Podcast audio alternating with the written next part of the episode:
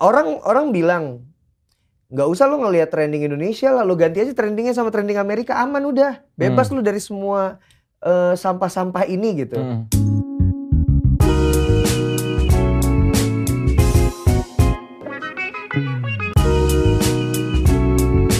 Tripod Show, sit and relax. Halo saudara-saudara, selamat datang di Tripod Show, sit and relax. Masih bersama Soleh Solihun yang sudah sit dan masih selalu relax. Saudara-saudara seperti yang kalian saksikan, ini pasti sudah tahu lah. Bintang tamu kita kali ini adalah seorang penyanyi yang menyaingi Krisyanto dan Joshua. Karena selalu pakai kupluk. Dulu cuma Krisyanto Jamrud dan Joshua. Sekarang dia identik dengan kupluk ya. Walaupun kadang-kadang di atas kupluk masih ada topi. Sungguh out of the box. ya, Anda tahulah siapa bintang tamu kita. Tapi sebelum saya panggil orangnya, mari kita maksud eh, masuk ke segmen Wikipedia. Wikipedia yang dibacakan oleh Soleh. Norak ya. Ya, tidak apa-apa ya. Anji yang sekarang menjadi Anji Manji. Dulu bang enggak ya nanti gua tanya ya. Sejak kapan? Dulu perasaan waktu dulu nggak pakai Manji ya. Ya nanti jangan ngomong dulu Anji. Belum belum. Oh nggak boleh ya? belum belum boleh. Nanti Oke. sabar sabar. Belum ada. Nama lengkapnya Erdian Aji Prihartanto. 5 Oktober 1978 di Jakarta. Do- tahun 2004 katanya sempat ngikutin audisi Indonesian Idol tapi tidak lolos audisi. Ya rata-rata yang sukses dari pencarian bakat adalah yang gagal di pencarian bakat ya kan yang sukses di industri kan Lumayan. lumayan kan banyak yang sukses ternyata tidak sukses di pencarian bakat tapi Betul. sukses di industri Eh kita ngobrol gini enak juga nih leh. Ya udah, sampai beres aja. Nanti Eh. cuma suara lu gitu. Nanti gua kayak Najwa wawancara kursi kosong. Bedanya gua ada suaranya kan. Iya iya iya. Ada macannya lagi. Siapa nih yang punya ide kursi macan? Bagus macannya. Bagus, menambah wibawa. Sempat menjadi vokalis Drive, sempat menjadi nama Anji Drive, akhirnya mengundurkan diri. Berantem ya? Oh enggak, ya? Enggak. Enggak, enggak, enggak, enggak, enggak. Gak berantem leh. Nggak berantem, nggak berantem. Dijawab lagi sama orangnya. Terus bersolo karir dan sekarang sukses menjadi YouTuber sekaligus bagusnya masih menjadi musisi dan influencer. Tapi sebelum saya panggil Anji ke sini, saya membacakan dulu three statements. Nanti saya tanya apakah benar atau salah three statements yang saya bacakan. Statement yang pertama, Anji itu botak karena rambutnya rontok. Statement kedua, Anji sudah menulis warisan untuk anaknya sejak sekarang. Statement ketiga, Anji pengen pensiun jadi YouTuber. Wah, Saudara-saudara, langsung saja kita sambut Erdian Aji Prihartanto alias Anji. Weh. Gimana leh salaman leh? Gini dong. Nih, demi lu gua pakai jaket Famo. Tuh, Famo. malah nggak ja- pantesan Aduh, tadi tuh mau pakai jaket itu. Janganlah. Famo meningkat nggak penjualannya setelah jadi lu jadi bintang iklannya? Iya dong. Iya. Iya dong. Lebih laku Boril tapi ya di Iya dia udah tujuh tahun. Borel kan udah tujuh tahun. Oke, Ji, ini Iya, klarifikasi dari dari three statement yang pertama, lu uh, botak karena rambutnya rontok. Gini, kalau misalnya ada orang botak Hmm, yang dia rela untuk ngebotakin rambut setiap dua hari sekali leh, iya. itu pasti aneh. Ya pasti dia karena rontok. Pastilah leh. Siapa Dedi? Siapa sebutin aja. Jadi emang Kak Dedi rontok. Iya, ya pastilah begini leh. Dia kebanyakan begini ya dulu sih Iya, waktu kan- masih kan rambutnya banyak sama begini, dia ada yang di digini-giniin sini ya. kan gitu. Kan Dedi juga bikinnya kan di situ gitu. Iya. Eh, Dani Kayaknya iya juga. Masa sih Dani? Dani rontok emang? Iya mungkin ya, kayaknya ya. Kalau Kang Mam. lo, lo, lo bayangin, lo bayangin, Hmm. lo bayangin orang terus rela untuk terus ngebotakin kepalanya gitu. Kalau sendiri ya, itu repot banget loh, Leh. Dulu Uus begitu ya. Serius? Iya Uus setiap berapa minggu sekali dia cukur cukur demi botak. Kang Maman juga kan Oh, tapi botaknya bukan botak yang halus banget klimis. kan? Ya. Bukan Kang Maman kalau nggak salah Kang Maman dibotakin botak karena dia klimis. botak tapi klimis. itu tuh lucu itu. Kang Maman kan dia botak karena Soeharto turun. Serius? Iya, Oh iya. dia bernazar Kang Maman 19 eh berapa? Kang Maman Suherman 1968. 1968 ya? 65 68? Kayaknya 68 deh. 68. Nggak tahu lah, bukan urusan kita lah. Nggak ada di sini dia. Iya betul. Kang Maman dia gitu, botak karena Soeharto turun. Oh iya, ternyata memang ada alasan-alasan Iya. spesifik. Kalau gitu lu ya. karena rontok, Iya iya dong. umur berapa mulai rontok? Gue tuh gue sebenarnya karena keturunan bokap gue. Mm-mm. Satu, yang kedua karena gue memang dari dulu tuh udah pakai topi terus. Oh, Dan gue hampir setiap bulan gonta-ganti warna rambut. Gue inget banget tuh di Bekasi tuh ada namanya salon tuh Palelu namanya. salonnya aja. Asli asli itu itu masih awal-awal banget lah. Zaman dulu tuh zaman dulu tuh belum yang belum yang hits gitu. Salon-salon yang untuk cowok gitu. Iya.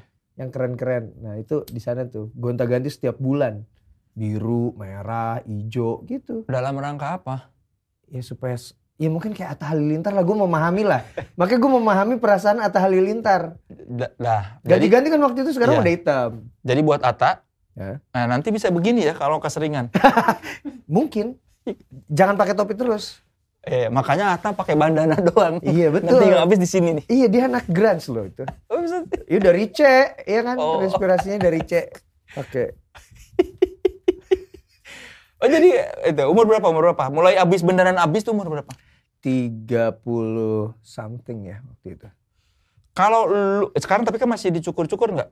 Atau bener-bener pasti. abis? Jadi setiap le, dia tuh selalu tumbuh, Iya. selalu tumbuh. Tapi di tempat yang tidak tumbuh dia akan membentuk. Jadi bagian depannya tuh begini gitu.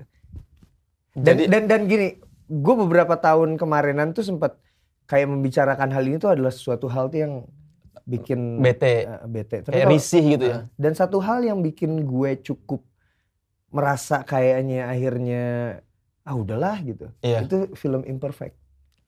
Ernest. Oh, jadi lu mendapat inspirasi. Iya iya dan dan gue bikin konten kok di video YouTube Hmm. gue. Jadi walaupun maksudnya Ernest juga kemarin adalah yang keras bersuara menghujat gue juga, tapi maksudnya buat gue gue harus tetap mengakui bahwa gue terinspirasi dari film itu bahwa ya udahlah lo omongin aja gitu. Dan gue bilang akhirnya di situ gue gue kasih lihat gue cukur kepala gue gitu. Jadi lu lebih ikhlas ketika orang membicarakan, Ji kenapa lu botak gitu ya? Hmm. Ya Kalau dulu udah, tuh udah kayak yang- agak aduh gimana? Karena dulu gue pernah gini, gue pernah ketemu sama adik kelas gue di eh, kampus Mm-mm. gitu. Terusnya dia lagi membicarakan seseorang gitu. Dia botak gitu. Mm. Ih, botak ih najis ih. Ada ada yang kayak gitu kan dan Eh. gue di belakangnya Oh. gue kayak oh gitu ya anggapan di di di cewek gitu di mindset cewek tuh kalau cowok botak tuh jijai ya gitu. Tanya cewek yang ngomong itu sekarang dapat cowok botak nggak? Iya, Kadang-kadang suka karma. bener. Betul. Serius. Dapat cowok botak. Iya. Suaminya. Betul. Itu kalau Sunda artinya dipoyok, dilebok. Artinya apa? Dipoyak tuh apa? Dipoyok tuh di, lu hina-hina, Ah. tapi lu makan juga. Oh, dilebok ya, Iya, lebok dilebok. ya. Secara harfiah segitu. Sekarang gue udah bisa bahasa Sunda. Lagi belajar karena gue di Oh, Pun- Puntang kan. Puntang mulu. Nanti kita ngobrolin puntang. Tapi statement kedua. Anjim udah menulis warisan buat anaknya dari sekarang. Sebenarnya bukan menulis warisan sih. Gue udah menyiapkan beberapa hal Mm. untuk eh, warisan anak-anak gue. Salah satunya gini lah. Kalau misalnya kayak asuransi sih jelas lah ya. Tabungan jelas gitu. Em, tapi ini gue menyiapkan warisan seperti ini loh lah. Tulisan-tulisan gue. Mm. tulisan tangan gue terus lagu-lagu atas nama mereka masing-masing kalau Iwan Fals kan dirilis Iya. lagunya Virgon juga dirilis kalau gue nggak gue rilis gue pengennya nanti ketika gue meninggal mereka baru mendengarkan lagu ini Tapi lu rekam. gue rekam rekam kasar Mm-mm. gila John Lennon semiliar kali Iya. itu isinya cuma obrolan dia doang gitu isinya cuma dia eh, bergumam-gumam aja mengeluarkan ide gitu nah itu udah gue siapin juga Semua anak lu masing-masing ada satu lagu. ada satu lagu masing-masing Dan nanti lu sesuai dengan karakteristik mereka. misalnya Saga misalnya, Hmm. Saga tuh kayak kan dia kan anaknya tuh ceria aktif gitu. Saga Omar Naga mm, teng teng teng Hmm. teng teng. Kalau Salva tuh lebih yang kalau Salva tuh lebih kayak Salva Ditya Tama anak pertama. mm, Tenang tak banyak bicara, mirip ibunya kayak Hmm. gitu-gitu. Lagunya lebih akustik, akustik senja gitu. noise. Indie lah indie. Yang paling sedih sih yang si Leticia Ah. karena dia kan jauh dari gua kan. Mm-mm. Jadi kayak kayak yang gue pikirin tuh kayak satu hal yang paling aku sedihkan bila suatu saat nanti tidak tersentuh lagi olehmu. Hmm. Semacam kayak begitu liriknya. Jadi kayak kenapa Leticia sedih banget lagunya gue suatu hari gue harus merevisi lagu ini Hmm. dengan lagu yang Lebih ceria. ceria. Ah, sekarang sih kalau gue bikin, suruh bikin lagu tentang dia pasti ceria. Ya, jadi setiap lagu itu merepresentasikan representasikan penilaian lu terhadap ya. Betul. Apa yang ada di benak gue tentang dia pada saat itu ya leh, pada saat itu dan itu mungkin bisa berubah dan nah obrolan kali ini, obrolan kali ini menginspirasi gue untuk kayaknya gue perlu bikin berapa versi deh buat mereka. Ya, ya, ya. Oh bagus ya leh, makasih loh. Oh, saya buat dong. Terus thank you. Jadi ada yang versi lu lagi marah sama mereka lagunya kayak gimana? Iya. Pasti kan anak bikin marah sempat. Iya iya iya. iya. Jadi banyak Ya, gitu ya. ketika lu kangen sama mereka gimana? Harapan-harapan lu sama mereka? Oh iya kalau kayak Ringo kan eh, dibikin video, Iya. Virsa juga dibikin Hmm. video eh, Dear anaknya waktu itu siapa sih? Bjorka ya? Iya, Bjorka. I- Iya kan. Eh, nanti kalau gue deh gini-gini, kalau gue mungkin melalui lagu kali ya. Ya atau lu bikin satu lagu yang mewakili dinamika perasaan lu terhadap setiap anak. Iya iya seru juga. Bahwa sih. anak itu Hmm, bisa bikin ceria, bisa bikin marah, bisa bikin sedih. iya betul. Luar biasa ya, inspirasi. Se- Ya selain lagu ada lain-lain juga sih leh kayak eh, potongan-potongan berita, kayak foto-foto gue sama mereka, mereka dari bayi gitu. Jadi kalau kalau gue kalau gue ngerasa kalau kita dulu cuma dikasih tahu sama orang tua kita, Hmm. dulu itu mama nyuciin pantat kamu Iya. itu sampai telek-teleknya gitu, Hmm. kayak gitu kan. Nggak ada buktinya. Iya, iya. Kalau kita udah, gue bisa kasih bukti. Gue tuh makanya gue seneng banget merekam gitu kegiatan bareng anak gue. Enggak gue upload, nggak selalu gue upload, tapi itu gue gue pegang aja, Kepentingan dokumentasi lah ya. dokumentasi aja. Nanti gue bisa ngomong sama mereka nih lo lo nikmatin video-video gue sama. Bisa apalagi ketika gue udah meninggal ya leh, Hmm. itu pasti akan sangat powerful gitu sebagai Iya. memori. Obat kangen lah ya. Obat kangen, makanya orang dulu suka pakai handycam. Tradisi itu baru di Indonesia itu baru terjadi tradisi itu ketika zamannya youtuber vlogging, daily vlog. Iya. Akhirnya itu terjadi tuh tradisi itu. Kalau dulu kan enggak. Ya, Betapa jeleknya kita di filing. Plus dulu cuma orang berduit yang punya handycam. Betul. iya mahal banget ya Iya. dulu. Ya. Gue juga dulu kayaknya pinjem-pinjem gitu. Kalau sekarang kan pakai kamera HP aja udah bisa Udah bagus banget ya. Iya. 4K lagi. Oke, statement berikut dari dari three statement Anji pengen pensiun jadi YouTuber. Ah, pensiun jadi YouTuber. Kayak Skinny Indonesian 24 ya. si Jovial sama Andovi. Ang- bukan pensiun jadi YouTuber sih sebenarnya. Iya juga sih. Jadi mana yang bener, Ji? Ja- Jadi gini loh, gue tuh tahun kemarin, tahun kemarin itu memang gue udah, gue udah mau, gue udah berniat untuk menutup channel gue Hmm. gitu. Tahun waktu itu masih dua, itu itu setelah abis kencang-kencangnya sidak tuh gue. Hmm. Itu bisa sampai 21 juta loh leh kontennya Gila. ditonton. Iya, satu video gitu, 5 jam aja udah satu juta views Hmm. saat itu. Cuma gue bosen terusnya. Gue bosen sama keadaan, sama ekosistemnya gitu. Terus, aduh kayak ini bukan tempat yang menarik lagi buat gue gitu. Cuma, Makanya lu pengen nutup. iya, cuma kata bini gue, kata lebih ke bini gue lah. Maksudnya gue lebih banyak mendengar kata- kata-kata dia lah karena gue paling paling bersinggungan rezeki sama dia. Jadi Hmm. emang dia yang paling harus gue denger kata-katanya dibanding siapa pun di dunia ini gitu. Nah kata dia sayang yang ini anggap aja kamu etalase gitu. Anggap aja ini etalase kamu naruh ja- jajanan di Facebook, naruh di YouTube, di even di TikTok. Hmm. TikTok itu gue pernah memprediksi bahwa TikTok ini akan menjadi sesuatu yang meledak. Ada videonya, video pertama gue di TikTok di awal 2020 jedar gitu. Hmm. Gue gara-gara Gary V sih waktu itu. Lu ngomong apa di waktu itu? Gue ngomong TikTok suatu hari akan menjadi sebuah platform seperti Instagram, YouTube, Facebook. Di mana awalnya Instagram tuh dulu cuma buat jadi berbagi foto instan, YouTube Hmm. cuma berbagi eh, video pribadi gitu. Eh, tapi akhirnya hari ini menjadi platform untuk jualan, untuk apa pun gitu. Iya kan? Dulu Iya. semua tuh udah ber- semua tuh udah beralih dari fungsinya di awal ya. Iya, iya. Lu udah nonton ini belum? Udah nonton Sosial Dilema Belum belum sempat. Itu bagus banget. penting. Nah, oke balik. Saat itu gue menuruti menuruti bini gue gitu. Tapi saat ini, saat ini gue tuh gue lagi merasa kita memang bicara kalau secara aset itu iya, tapi ada hal yang tidak kita pikirkan bahwa ada yang namanya algoritma. Hmm. Ketika kita udah jarang upload, ketika ketika kita udah nanti-nantian gitu, itu algoritma menurun jauh leh. Ya kecuali lo Agung Hapsah, entah kenapa Agung Hapsah tuh satu-satunya Nggak ngaruh. gak ngaruh.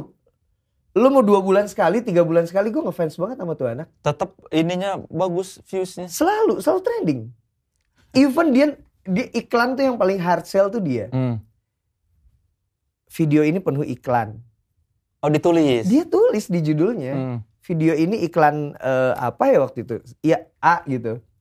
Terus di awalnya, di awal videonya, brought to you by. Udah jelas-jelas. Dan isinya iya. jelas gitu. Tapi memang dia tuh smart banget. Gue tuh kayak, gue selalu bilang sama anak-anak gue, kan anak gue udah ada yang 18 tahun dong. Hmm. 18 tahun sama 15 tahun. Gue bilang, kalian nggak harus jadi Agung Hafsah, tapi lihat bagaimana caranya dia berkreativitas gitu. Anak belum 20 tahun tapi udah bisa kayak gitu gitu. Ya dia ngemas iklan hard sell aja masih ditonton banyak orang ya. Dan trending selalu trending leh. Kampret. Padahal udah jelas-jelas itu. Iya, algoritma kayaknya nggak bekerja deh sama Agung Hafsah. Kayaknya gue nggak ngerti tuh kenapa. Iya atau mungkin ya bener-bener subscribersnya Gua tulus. leh, gua, Eh, gua subscriber 3 juta 700 iya. subscriber nih. Hmm. Gua nggak upload dua bulan, itu gua video upload 10 ribu. Apaan sih nih? Padahal udah 3 juta. 3 juta 700 nggak mungkin leh. Lu Iya. lu ngerti dong? Lu, Iya, lu terlalu udah jauh ininya. kecuali tiba-tiba cuma 500 ribu yang nonton, 200 ribu ya wajar lah. Iya. 15 ribu, 10 ribu, apa coba? Tapi 3 juta subscribers tuh nggak ada yang beli kan lu? Yang nggak ada, gila loh. Gue leh, gue tuh sam, gua tuh sama Jovial, sama Andovi, sama Chandra Leo, sama Edozel, sama Ria SW, Atta Halilintar dan be- dan beberapa lagi waktu itu perwakilan Indonesia, youtuber Indonesia yang ke YouTube Creator Summit di Jepang. Gue satu-satunya artis tuh dari perwakilan artis. Gue memperjuangkan tentang algoritma ini. Gitu makanya di kontennya di konten yang YouTube Got Talent-nya si Skinny Indonesian 24 gue bilang lu bangsat ya gue bilang kita dulu memperjuangkan soal algoritma langsung sampai ke Jepang terus kalian sekarang ninggalin gue gue bilang gitu lu yang anjing gitu. Eh, nah nah terus memperjuangkan sampai sana memperjuangkan tentang trending tentang Iya. trending YouTube Indonesia. Kenapa trending YouTube Indonesia yang music nggak bisa kayak game? Di mana yang game itu ada bener-bener urutannya. Trending nomor satu for gaming. Kalau musik nggak ada. musik nggak ada. Jadi musik harus bersaing sama konten-konten Lesti Oh. sama konten kon- bukan Lesti musik ya maksudnya Lesti sama Rizky Bilar Hmm, harus saingan sama misalnya Jimny Challenge-nya eh, ini ya. Eh, nggak apa-apa kan bukan Arif- produk, bukan. oh iya bukan produk ya. Arif Muhammad Iya. eh, harus bersaing. Itu gue perjuangin gue langsung ngomong sama petinggi YouTube yang memang membahas tentang trending Uh-uh. yang memang dia algoritma trending. Terus kata dia kenapa ini penting buat lo? Karena di Indonesia ini penting gue bilang. Really di Amerika enggak iya orang Amerika udah beda sama Indonesia cara berpikirnya mereka udah tahu bahwa Raffi Ahmad Atta Halilintar itu memang entertainment Hmm. gitu bukan benchmark secara lu harus seperti ini nih kalau untuk sukses gitu loh Kalau di Indonesia masih melihat In- trending ya. Iya. Kalau video lu trending berarti lu sukses. berarti video. harusnya begini nih gitu Iya. nah itu kan bahaya ya alhamdulillah di trending Indonesia tuh masih banyak kayak konten-kontennya Arif Muhammad selalu trending bagus Arif Muhammad Pocong dan Arif Arif Muhammad Mak Betty ya. Iya. gitu ada konten sama Eli. Maksudnya yang memang dia bikin konten gitu. Kadang-kadang ada konten gua walaupun kadang sampah juga. Tapi bukannya katanya yang bikin algoritma itu artificial intelligence bukan manusia? Iya tapi kan artificial intelligence yang berdasarkan kebiasaan leh. Iya makanya mungkin- dia kan dia kan programnya gitu kan. Dia kan belajar dengan banyak banyak ini kan banyak pola kan. Hmm.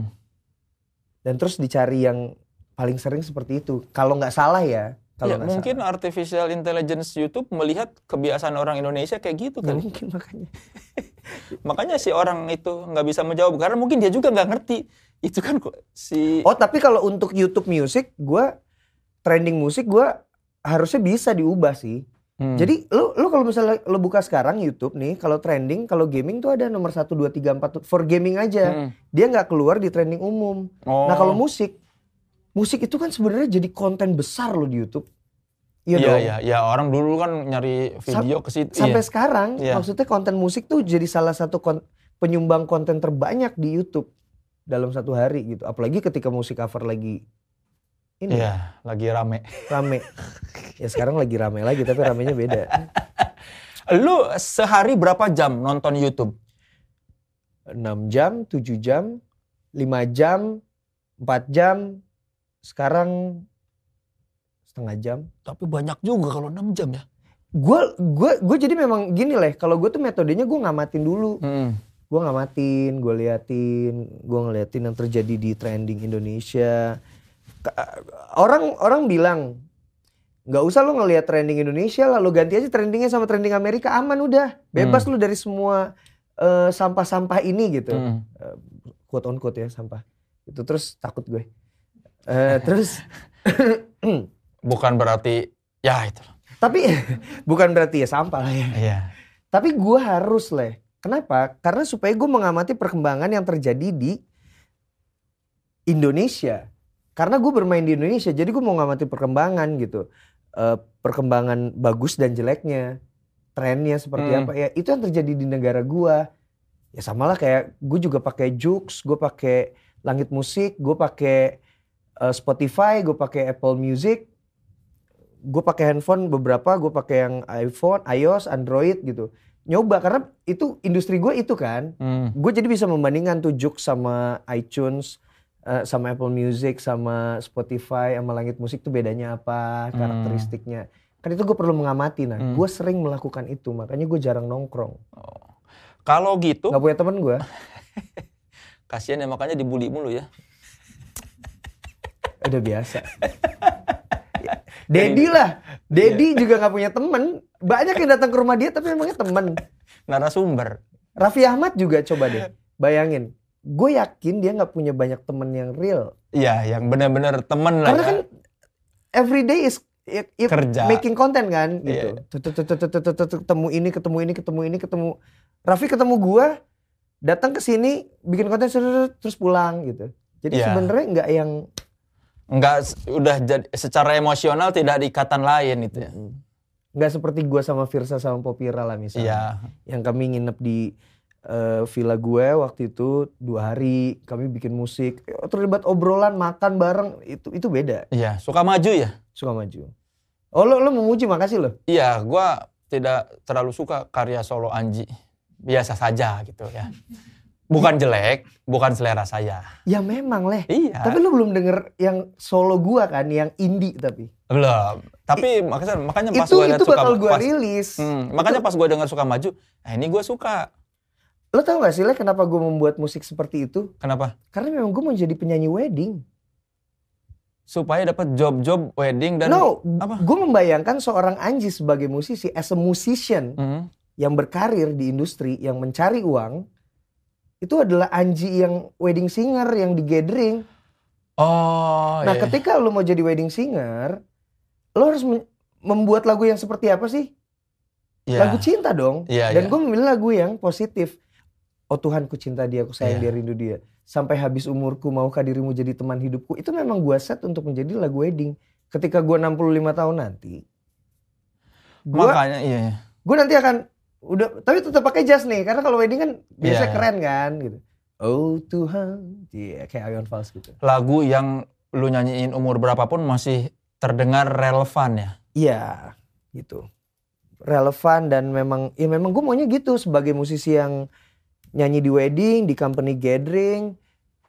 Ya kan makanya lagu-lagu itu kan jadi waktu itu ada anak muda menghina eh, bukan menghina gue tiba-tiba dia nge-tweet ke gue eh, Manji menurut saya lagumu itu bukan lagu yang keren Gitu. sampai suatu hari saya pulang ke kampung saya mendapati kedua orang tua saya sedang nyanyiin lagumu sambil berpelukan dan mereka terlihat sangat bahagia Lagu dia menunggu kamu menunggu kamu. maafin saya Hmm. Terus waktu itu ada seorang bapak-bapak yang stroke. Dia sembuh gara-gara lagu gue yang menunggu kamu. So lagunya memang udah setnya ke sana. Jadi bukan jadi bukan buat soleh solihun lagunya. Tapi Iya. soleh solihun pasti akan menemukan lagu itu di sebuah pernikahan yang normal Iya, gue sering banget denger lagu dia dinyanyikan sih. di wedding kan. Iya, Dan mereka tidak bayar. ya. kayaknya sih. Tapi lagu dia tuh yang pertama viral videonya. Iya. 10 juta. Eh, dulu kan se- 100 juta. dulu waktu 10 juta aja udah heboh banget. Heboh banget gue. Karena tiba-tiba kan itu Ada sebelum- di lagu iya. di YouTube sampai 10 juta gitu. zaman dulu masih susah kan orang. Sampai akhirnya tembus 100 juta dan itu adalah lagu pertama video klip pertama Indonesia yang tembus 100 juta views. Eh enggak deng. Yang pertama ini. Abang tukang bakso. Lu tahu nggak? Mari Serius. mari sini. Ah, Lagu asli apa lagu Oke, jadi pokoknya ada ada di YouTube aja. Itu ternyata gue ada yang ada yang ada yang mengoreksi gue. Manji salah. Itu sebenarnya yang pertama kali tembus 100 juta itu lagu Abang tukang Abang bakso. tukang bakso original version kan yang Melisa. Iya. Itu pun pasti bukan labelnya yang upload ya. Eh, ada enggak enggak enggak ada ada ada Lagu label yang memang 80. mengupload Oh, lagu-lagu lama. memang memang hak pu- rights-nya punya dia lagunya. Iya, kayaknya sih. Tapi lagu dia gue suka. Itu sebuah lagu yang bagus. Oh gitu. Iya, Serius. serius. Padahal justru menurut gua enggak, enggak, gue Le. suka. Serius. Karena menurut gua tidak pretensius. Oh. Dia cuma, oh Tuhan ku cinta dia. Terus nadanya tuh kayak beneran memang cocok untuk di, sebuah pujian untuk perempuan yang ini apa? Dan menurut gua bagus karena lu kan mengungkapkan kecintaan lu terhadap perempuan kepada Tuhan. Makanya oh Tuhan ku cinta dia. Biasa kan orang aku cinta kamu. Oh iya. Ini lu ngomong sama Tuhan bahwa lu cinta perempuan ini. ini, Jadi menurut gua sebuah angle yang menarik gitu bahwa seorang penyanyi mengungkapkan kecintaannya Kepada- terhadap perempuan tapi kepada Tuhan. Bukan kepada langsung ke objeknya. Iya, ya? bukan kepada objeknya, bukan juga kepada pendengar, bukan juga kepada teman. Iya itu. Jadi menurut gua itu sebuah angle yang menarik dari penulisan lagu. Dan kalau dipandang dari sisi marketing leh eh, RBT gitu. Hmm. Kenapa RBT-nya banyak gitu? Karena kalau misalnya lagu-lagu menurut gua analisis juga sih, analisis sederhana aja. Eh, yang mendengarkan lagu RBT kita kan bukan kita kan? Iya. Orang yang menelpon kita kan? Hmm. Siapa orang yang paling sering menelpon kita? Ya pasangan. Pasangan kita dong. Lo bayangin ketika lo lo ditelepon. Ini gue sering banget ya ngomong sama teman-teman musisi terutama yang datang ke sini gitu analisis ini. Ketika dia ditelepon sama pasangannya terus lagunya tentang putus Iya. atau tentang mantan terindah, mantan terbaik atau pengen balikan sama mantan gitu. Atau lagi kesel, lagi berantem. Pas diangkat, kamu kenapa? Ingin kubunuh pacarmu. Iya. Betul, betul ya. Lagu yang galau-galau gitu. Iya. Kamu lagi kenapa gitu. Tapi kalau pas diangkat, oh Tuhan ku Iya. cinta dia gitu. Dan bahkan ketika teman yang nelpon pun, ah dia lagi sayang pasa, pacarnya. Iya gitu kan. Jadi Yang gak norak sih ya. iya dan satu lagi lah keuntungan dari lagu positif adalah ketika lagu itu secara tidak sengaja terpapar ke anak lo. Terpapar ke anak-anak yang seharusnya belum mendengarkan lagu tentang cinta-cintaan itu aman. Oh Tuhan ku cinta mama, sayang mama, rindu mama gitu. Itu itu sering banget diganti.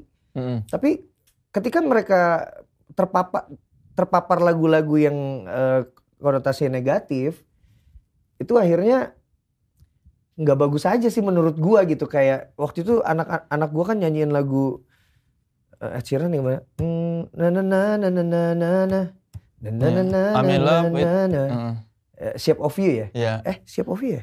Ya pokoknya I'm in love with the Itu kan lagu of you. tentang dia datang ke bar, mabok sama cewek, terusnya ML kan? Iya. Nah, anak gue nyanyiin itu gue seneng, wih bagus banget, bagus nyanyinya nih. Emang dia punya bakat, tapi terus bini gue ngomong coba kamu lihat, cek liriknya. Anjim, nggak boleh anjay. Anjim, udah begini liriknya. Akhirnya gue ngerasa gitu. Nah balik lagi, lagu gue kalau temanya positif itu ketika terpapar ke anak-anak, gue ngerasa aman. Ya lu nggak yang Iya nggak yang, aduh lagu gue didengerin lagi sama ini gitu. Dan lu percaya nggak leh? Orang tua tuh secara tidak sengaja kadang-kadang tuh suka mengupload anaknya nyanyi lagu tiba-tiba katakanlah ini Via Valen deh. Hmm. Sayang apa kowe krungu jerite hatiku gitu. Anak kecilnya nyanyi tapi bagus suaranya kan keren. Iya. Ini diupload sama anak, eh, orang tuanya. Tapi kan sebenarnya secara lirik kan harusnya bukan itu lagunya. Iya ya. Kayak kurang tepat. gitu. Iya, nah, nah gue mencoba untuk mereduksi itu dengan lagu-lagu positif yang gue buat. Dari kapan lu men- apa punya pandangan seperti ini? 2000 ketika mulai solo aja. Makanya lagu yang dimulai ketika karir solo gue jalan itu semuanya positif. Kecuali yang berhenti di kamu anjrit gitu. Kenapa? Lagu berhenti di kamu tuh jadi ceritanya putus leh. Putus tapi hati gue nggak ke mana-mana. Hati gue berhenti di kamu. Namun ada satu yang terjadi hatiku cinta kamu tapi ta- tapi tak bisa rasa seperti dulu. Gitu.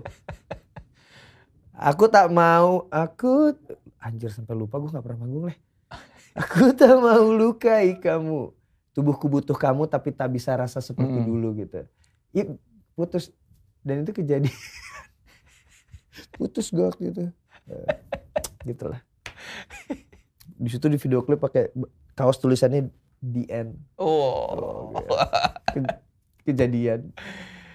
Jadi eh, pokoknya sekarang Law of attraction deh beneran. iya the secret ya. Jadi kalau lu lu jangan mengomong apa hati-hati berucap dan iya Iya. berharap. Hati-hati memang. Tapi lu kan sekarang 3 juta 9 subscribers. Hmm.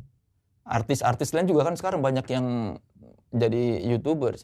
Iya, banyak, banyak dan maksudnya bagus-bagus. Mm-mm. Eh, peningkatan views dan lain-lain. Apa kelebihan artis itu dibandingkan YouTubers yang sudah lama atau merintis dari karir?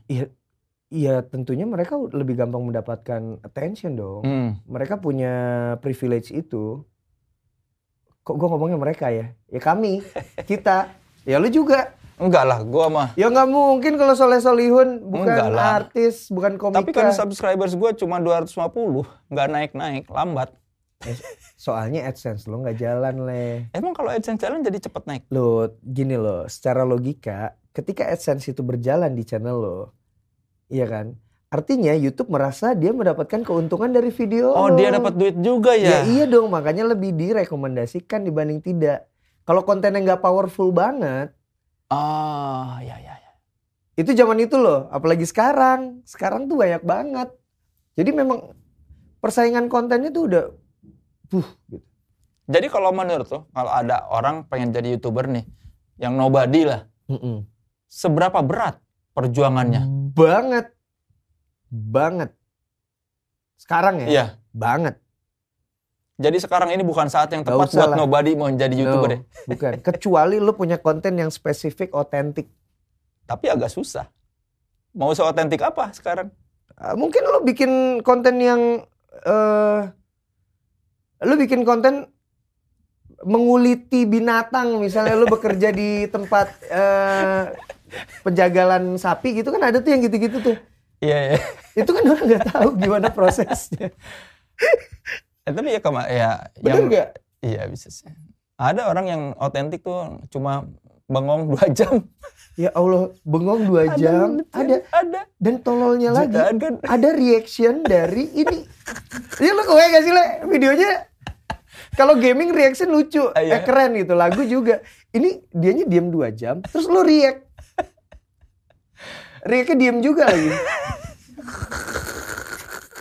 gue gak ngerti lah yang kayak gitu-gitu terus banyak lagi gue makanya gue agak stres juga sebenarnya Tapi menurut lu, lu lebih sukses sebagai penyanyi apa sebagai YouTuber? penyanyi lah Penyanyi. penyanyi lah karena em, karya gue sebagai penyanyi musisi itu everlast Hmm. everlasting ya gitu kalau karya gue sebagai youtuber paling gue dikenal sebagai gue yang menemukan bukan menemukan nih gue yang membuat program sidak Hmm. gitu yang meledak waktu itu terusnya tapi itu mah gampang hilang kalau lagu kan tercatatnya lebih kuat gitu leh Tapi pernah nggak lu ketemu orang terus orang itu mengira lu YouTuber bukan musisi? Ya, sering Sering. sering terutama untuk generasi sekarang jadi ada di gue di TikTok itu untuk anak jadi ada anak 6 tahun Ih, om-om yang di TikTok di Jayapura. Saya di, Lam- di Lampung gitu, waktu ke Pulau Tegalmas juga gitu. Eh, om yang di TikTok. Anak-anak SD, anak-anak kecil gitu. Nah yang SMP, SM, SMP lah. Taunya gue YouTuber Ah, gitu. Nah jadi mereka tuh bisa berdebat ibu sama anaknya. Nyanyi enggak itu. Penyanyi, YouTuber bu, penyanyi. Itu YouTuber yang nyanyi bu gitu. Oh, ada yang ngiranya lu bernyanyi karena lu sukses jadi YouTuber Hmm. terus bernyanyi seperti banyak YouTuber lain. Ya iya. Oke lah. Itu soalnya lo yang ngomong. Gue sekarang udah nggak terlalu. Apa? Gue gua harus mengutip sekarang. Oh iya. Gue harus mengutip sekarang. Tapi kan bener. Banyak YouTuber yang bernyanyi. Betul. Menurut lu itu sebuah langkah yang apa kalau dari sisi lu sebagai YouTuber dan juga penyanyi? Percerdas dong. Hmm. Pintar mereka. Sama kayak misalnya host-host yang bernyanyi. Hmm. Atau artis sinetron yang bernyanyi. Kenapa sih mereka begitu? Supaya ketika ada meet and greet. Ya, ya. nggak bengong. Ya nggak cuma Eh, ngobrol. nggak- nggak cuma hai. Masa terus, eh ya kita. Oh guys gitu. Masa gitu doang. Ya nyanyi lah. Oh, ada ada Host juga penampilannya gitu, ya, ada iya. penampilannya ya. Iya nyanyi. Bener nggak? Ya bisa, benar benar. Sebuah langkah bisnis yang bagus ya. Langkah bisnis yang bagus. Soleh juga, oh, kalau Soleh kan ini. Gua kalau bisa nyanyi dari dulu jadi penyanyi, Ji. Tapi jangan sih, Leh. Enggak, Terus, gua sadar diri, Ji. Jangan ya. Enggak. Kalaupun suaranya bagus, ada hal lain kan yang perlu dilihat, Leh. Iya, gua nggak ganteng, Ji. Enggak, gua nggak bilang gitu. gua, gua nggak bilang. Duh, Soleh ini ya. Gue inget banget lah pertama kali kita bersinggungan. Eh, Bersinggungan tuh bukan berarti jelek ya. iya, iya. Bersinggungan adalah ketika di pernikahannya Iya, pernikahan teman, teman, kita, lah, pernikahan teman kita yang tiba-tiba lo dari atas panggung lo masih waktu itu zaman yang MC tuh. Iya, Bukan bukan belum jadi komika ya. iya, iya. Masih zaman yang MC pokoknya belum punya duit kali ya waktu itu. Belum lah, wartawan. Belum ya. Masih pas-pasan. Dari atas panggung banyak orang Ih anjing ngapain tuh artis mainstream di sini gitu. Tai banget soalnya. Dan lu sering banget kalau pas lagi di itu. Iya, karena zaman dulu artis-artis mainstream tuh kan nggak main di scene indie. Iya perhatiin sih. deh. Iya iya. Kalau sekarang Iya. kita bisa ngelihat Iya iya banyak. apa ya artis-artis mainstream ma- nonton di tempat-tempat ma- indie yang apa panggung-panggung kecil biasa. Dulu mah enggak. Enggak enggak. Makanya kan dulu tuh pemandangan yang aneh, ada Anji Drive kan Yang terkenal. tidurlah selamat malam itu. Iya, Lu taunya yang- lagu gue itu kan. iya, pokoknya kan ya terkenal lah, maksudnya mainstream, Iya. bukan artis mainstream yang tidak terkenal. Iya. Maksudnya makanya heran di antara anak-anak Begundal-begundal iya, ini band- nih gitu. Betul ada Eka ya. Iya. Iya. Iya sih, dan gue tuh memang suka ada di, gitu lah. Gue tiba-tiba ada di panggungnya Sujiwo Tejo, Iya. gue sama Agus Nur, gue sama Mas Butet. Jadi ini artis mainstream yang kayak gimana sih sebenarnya gitu kan? Iya. Tiba-tiba sama Sito, Iya, kalau Vito. iya dulu kayak orang masih ya kalau sekarang kayak Kunto Aji tiba-tiba ya. jadi orang udah nggak memandang lagi indie mainstream Iya. kan udah cair. Kalau dulu kan nggak, masih ada gap. eh gue gue benerin loh, indie sama major, Ya, ya. mainstream dan side stream cie. Dulu gue sering benerin sih, Wendy, Wen, nggak gitu Wen. Oh iya iya iya, ini udah kebiasaan sih indie sama mainstream gitu. Tapi ya buat yang belum tahu, Anji tuh udah bikin masalah viral secara viral dari dulu. Dari zaman masih saya masih di Rolling Stone. Gara-gara kasus itu kan yang gua ngecengin lu ada artis mainstream di Datang acara eh, anak-anak indie. Dan itu gue tulis kan, Ya, nulis di website Rolling Stone. Apa sih lu dulu judulnya?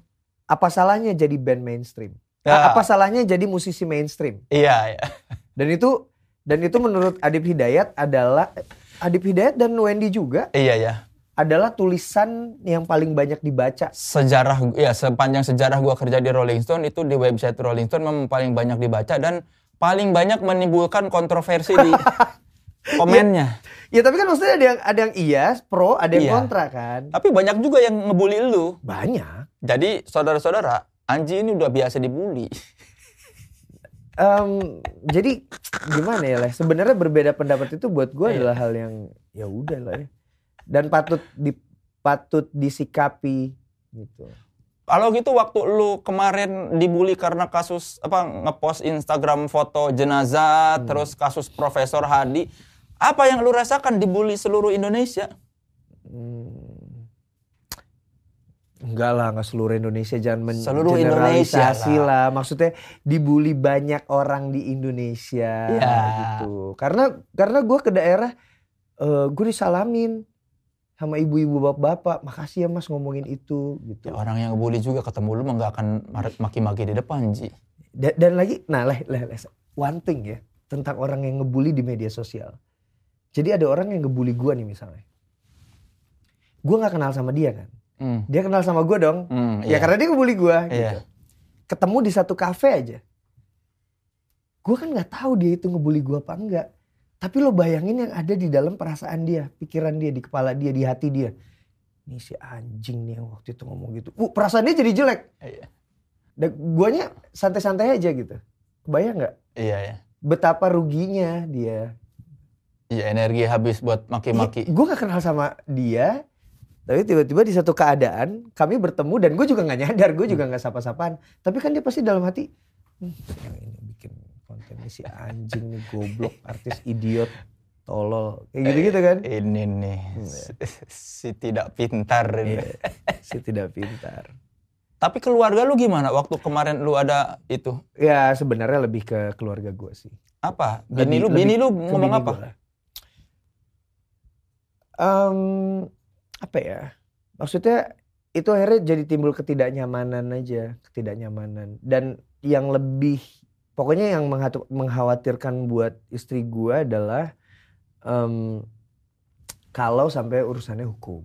Hmm. gitu. Kalau misalnya urusan gua di ada sanksi sosial atau gua di diomongin, dibully, dirajam sama kata-kata, itu dia sih udah yakin gue udah mampu menghadapinya gitu. Cuma ketika ketika memang urusannya sama hukum, nah itu dia pasti akan yang kamu hati-hati loh. Kayak yang waktu masalah itu kan ada hubungannya dengan pewarta foto Indonesia kan. Hmm. Mereka sampai mengeluarkan surat kan. Dan gue minta maaf. Hmm. Gue minta maaf gitu. Terus Mm-mm. ya ini juga berhubungan dengan eh, polisi juga. Ya gue minta maaf. Tapi lu merasa pas ada apa bini lu menganggap takut ada masalah hukum, lu memang merasa oh iya juga ya atau enggak lah nggak mungkin ada masalah hukum. Em, bini gue tuh adalah tukang analisis yang lebih dalam dari gue. Jadi gue banyak mempercayai dia gitu. Hmm. Banyak banyak menjadikan omongan dia tuh sebagai sebagai apa ya? Sebagai hal yang harus gue pikirin Hmm. gitu. Harus gue pikirkan. Jadi ketika dia ngomong gitu, gue analisa juga. Oh iya sih. Ya udah deh. Gitu. Pelajaran berharga apa yang lu dapat dari kejadian kemarin foto jenazah dan apa video Profesor Hadi itu? Ketika kita punya maksud baik, lalu disampaikan dengan cara yang salah, atau dianggap salah sama orang, itu bisa jadi tidak baik outputnya. Jadi ka- kalau begitu apa yang membuat apa pengaruhnya ke ke ke konten atau ke karya lu setelah kejadian itu? Kebetulan, kebetulan sekarang tuh eranya lagi, gue lagi malas mengeluarkan karya lagi leh. Gini gini, karya gue itu disuarakan oleh orang, Liodra, Hmm. Liodra Idol, jadi lagunya trending juga. Terusnya Judika yang Hmm. paling baru, putus atau terus tuh lagu gue. Jadi juga lagunya. Em, nanti Saga, terusnya ada Cynthia Gabriela. Gue memang lagi nggak berkarya leh. Jadi bulan Februari 2020 itu kan gue membuat workshop kan Mm-mm. membuat sebuah workshop musik yang memang gue terinspirasi dari Queen, dari Beatles yang mereka mereka workshop lagu gitu di pulau gitu Hmm. di di di apa namanya di kastil lah di villa gitu-gitu. Nah itu gue terinspirasi dari itu itu nggak gue rilis. Hmm. Sayang gue karena gue pengen setelah gue ngerilis karya gue, gue pengen manggung keliling tour langsung bernyanyi di depan orang-orang membawakan lagu-lagu itu. Kalau sekarang nggak mungkin. Nggak mungkin. Jadi kalau untuk online, aduh sayang banget. Mendingan nggak dulu deh. Gitu. Emang Queen sama Beatles itu band nomor satu di benak lu apa ada lagi yang Yang kebetulan gua gini, mereka buat gue adalah band yang menginspirasi banget ya. Gitu. Kalau kata Mas Dani itu Queen itu adalah penyempurnaan The Beatles. Buat Dani. Buat Dani. Buat Ahmad Dani bilang yang dengerin Queen itu orang pinter. katanya. Oh kalau gua kalau gua ngedengerin greatest hitsnya aja gitu. kalau Dani suka gitu ya. Eh, Nah buat gua mereka bisa jadi role model lah. tapi kalau ngomongin musisi yang berpengaruh terhadap lu paling besar tuh siapa? Dalam banyak hal ya. Hmm. Experience, em, referensi, terusnya gua pelajarin bisnisnya gitu. Beda-beda. Yang membuat lu ingin menjadi musisi Yang mem- awalnya Yang membuat gua pengen menjadi musisi ingin jadi musisi. Iwan Fals ya. Iwan Fals. Iwan Fals. Sama slang. Slang tuh gue waktu dulu tuh ngejar-ngejar nonton ininya eh, 50 eh waktu itu berapa ya? 30. Iya 30 tahun deh. Eh waktu Yang itu mana? belum deh, waktu itu belum deh. Gue nonton konsernya di oh waktu itu gue 50 tahun Indonesia Merdeka. Ah, Iya, itu waktu itu di di Ancol. Hmm. Gue udah datang dari pagi berdua sama temen gue. Gue datang udah ke depan stage. Terus Iya. gue ngeliat slang tuh eh, ini sound check. Slang sound check gitu. Kok nggak ada orang gitu. Ternyata di depan ditutup leh. Lu bisa masuk? Ya gue udah di dalam. Oh karena lu terlalu pagi. Gue terlalu pagi. Jadi sampai itu udah selesai. Akhirnya dimulai masuk udah mulai jam setengah tujuh. Baru rame masuk. Akhirnya gue berdua sama teman gue pulang dengan tiket yang tidak dipotong. Ya karena lu ma- masuk udah iya. Iya tiketnya tiketnya masih rapi. 95 berarti itu kan ya. 95 ya? Iya kalau Iya. 50 tahun Indonesia Merdeka 95. Masih formasi 13. Masih. Eh kok 13 sih? Ya F13 kan 95. Iya, iya. Pengalaman pengalaman seru tuh kayak gitu. Pengaruh Iwan Fals dan Slang ke dalam karya lu dari sisi apa? Dari sisi ideologi liriknya. Apa itu? Em, bagaimana atau bukan ideologi liriknya. Bagaimana mereka mengolah kalimat dan kata Hmm. dan tema-tema itu ke dalam lirik. Tapi yang lagu-lagu cinta. Hmm. Ketika lagu-lagu cinta gue masukin ke lagu-lagu cinta gue. Iwan Fals tuh soalnya lu juga kan suka banget Iwan Fals. Iya. Iya kan? Bang Iwan tuh bikin lagu-lagu tuh zaman dulu mau yang temanya sosial, mau yang temanya bahkan lagu yang bicara cinta itu tuh dalam banget lirik-liriknya.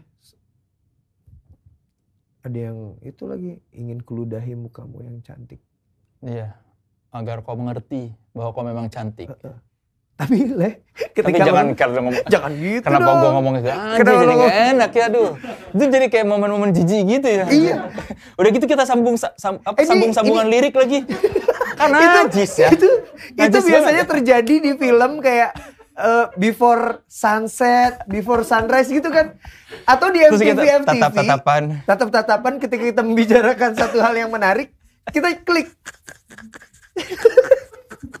Jadi coba boleh nggak kita rekonstruksi? Ingin keludahi mukamu yang cantik. Agar kau mengerti bahwa kau memang cantik. Ya Allah. Geli ya leh. Najis tuh. Itu cuma terjadi di cerita-cerita film itu atau FTV kan gitu. Ketika mereka ngobrol mereka kayak puisinya. Aku suka banget puisinya Sapardi Djoko Damono yang aku ingin mencintaimu dengan sederhana. Terus ceweknya bilang seperti Iya. iya kan? seperti kata yang tak sempat diucapkan kayu. Aduh. Tapi gue pernah masukin adegan seperti itu di film gue mau jadi apa. Gue sama karakter yang si Ajis Doa Ibu mainin, Heeh. lagi komentarin cewek.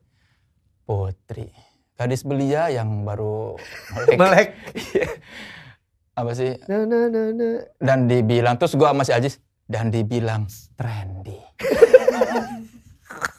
Iya iya iya. Yang ngerti cuma orang se- sedikit, orang segelintir. Segelintir. maksudnya. Makanya film gue nggak laku. Leh, nggak laku bukan berarti nggak bagus. Iya, iya. itu itu harus harus ini tuh harus lagu dia itu leh baru jadi itu adalah lagu ke-9 single gue solo ke-9 Setelah berapa tahun itu? dari tahun 2011 sampai 2016 yang akhirnya bi- bikin gue punya duit. Lima tahun lu bersolo karir tanpa apa keberhasilan finansial. Sebenarnya eh, relatif sih. Nggak lebih gitu. Iya. Pas. Pas. Tidak, Istri gue masih harus kerja. ya ya ya. Tidak seperti sekarang lah ya. Tidak seperti sekarang sebelum pandemi. sebagai musisi loh. Ya, ya. Kita sebagai musisi ya bicaranya. Jadi lima tahun single ke sembilan baru akhirnya lu men- apa, mendapatkan titik cerah dalam karir. ya. Iya. Maksudnya quantum leap-nya gitu. Iya. Eh, lompatan besarnya tuh dimulai di situ. Kan gue pernah mengalami dalam karir kal- karir karir gue bermusik eh, dua kali lompatannya ya terjadi pertama ketika bareng sama Drive Hmm. lagu bersama bintang itu jadi eh, apa namanya jadi soundtrack sinetron terus meledak. Dan kedua yang dia ini. Hmm. Gitu. Jadi gue dua kali mengalami lompatan besar dan itu tidak banyak dialami sama musisi-musisi yang udah sempet eh ya apa ya sempat meredup ya. Iya, Gue sebenarnya nggak meredup sih leh, gue off air terus. cuma kan secara media massa Betul, aja, betul. exposure media. Iya, secara visibilitas ya. Iya, orang kan masih Anji X Drive, Anji Drive, Anji. Ah, susah. Sampai akhirnya Anji Manji sekarang. Iya, Manji itu dari mana sih? Manji itu adalah Anji yang sudah menjadi bapak dan suami. Jadi Anji adalah Erdian Aji Prihartanto. yang ngeband. Erdian Aji Prihartanto yang ngeband. Itu Anji. Yang jadi artis, yang jadi Hmm. musisi gitu. Ya, Nah, Manji adalah Anji yang sudah jadi orang tua dan suami. lu sendiri yang meng- apa me- me- menemukan nama Manji. Enggak, semesta lah yang yang menciptakan itu karena jadi Manji itu terjadi ketika gue kan ketika gue menikah istri gue, eh, anak gue kan yang dua kan ini kan anak sambung kan, Hmm. anak sambung kan. Mereka manggil gue sebelum menikah kan Om Anji, Oh, Om Anji, Om Anji, Om, Om Anji. Anji, Manji. Dia manggil ibunya Minda. Hmm. Jadi Manji Minda itu sangat otentik loh. Dan Iya. kayaknya nggak mungkin dipakai sama orang deh. Aneh aneh banget kalau anaknya Soleh Solihun manggilnya manggilnya Manji Minda gitu. Kalau Mimi Pipi masih bisa. Iya, ya. kalau Manji Minda tuh ya memang Otentik. Eh otentik bukan otentik ya? Apa ya? ya memang dibuat lu. Iya. Gitu. Jadi ya kan kayak anak gue juga kan namanya Saga Umar Nagata San, Sigra Iya. Umar Narada San, San and San. Mereka gue bikinin perusahaannya namanya San and San. Nanti ketika mereka besar, ya gue ninggalin perusahaan buat lo. Gitu. San and San. Udah dibikin PT-nya, Iya. aktenya sekarang. Ah, belum sih, tapi lagi dibikin ya, Peng? Cepetan ya. Warisan lu buat mereka. Ya warisan, gue gue memang meninggalkan warisan-warisan semacam itu sih ke mereka selain selain pengalaman-pengalaman hidup ya, pengen ya. Dan sekarang Anji ini lagi sering bolak-balik ke Puntang. Gunung Puntang, Gunung Puntang. Gunung Puntang itu ada di kabupaten ya, Teh? ada di Bandung Selatan. Eh, Kabupaten, Bu. Berarti kabupaten. Kabupaten, kayaknya. Kabupaten, Kalau kota iya. Madia kan nggak nyampe Iya. ke atas-atas ya. Iya. Lu bikin apa di Puntang? Gue mengelola akan mengelola pariwisatanya. Padahal Merapikan sih ya, mer- Iya. mengelola mengelola. Udah ada sebelumnya kan si Puntang tuh Pak kawasan wisatanya. Udah ada, tapi jadi gue kayaknya memang dikirim sama Hmm. dikirim sama alam lah buat ke situ.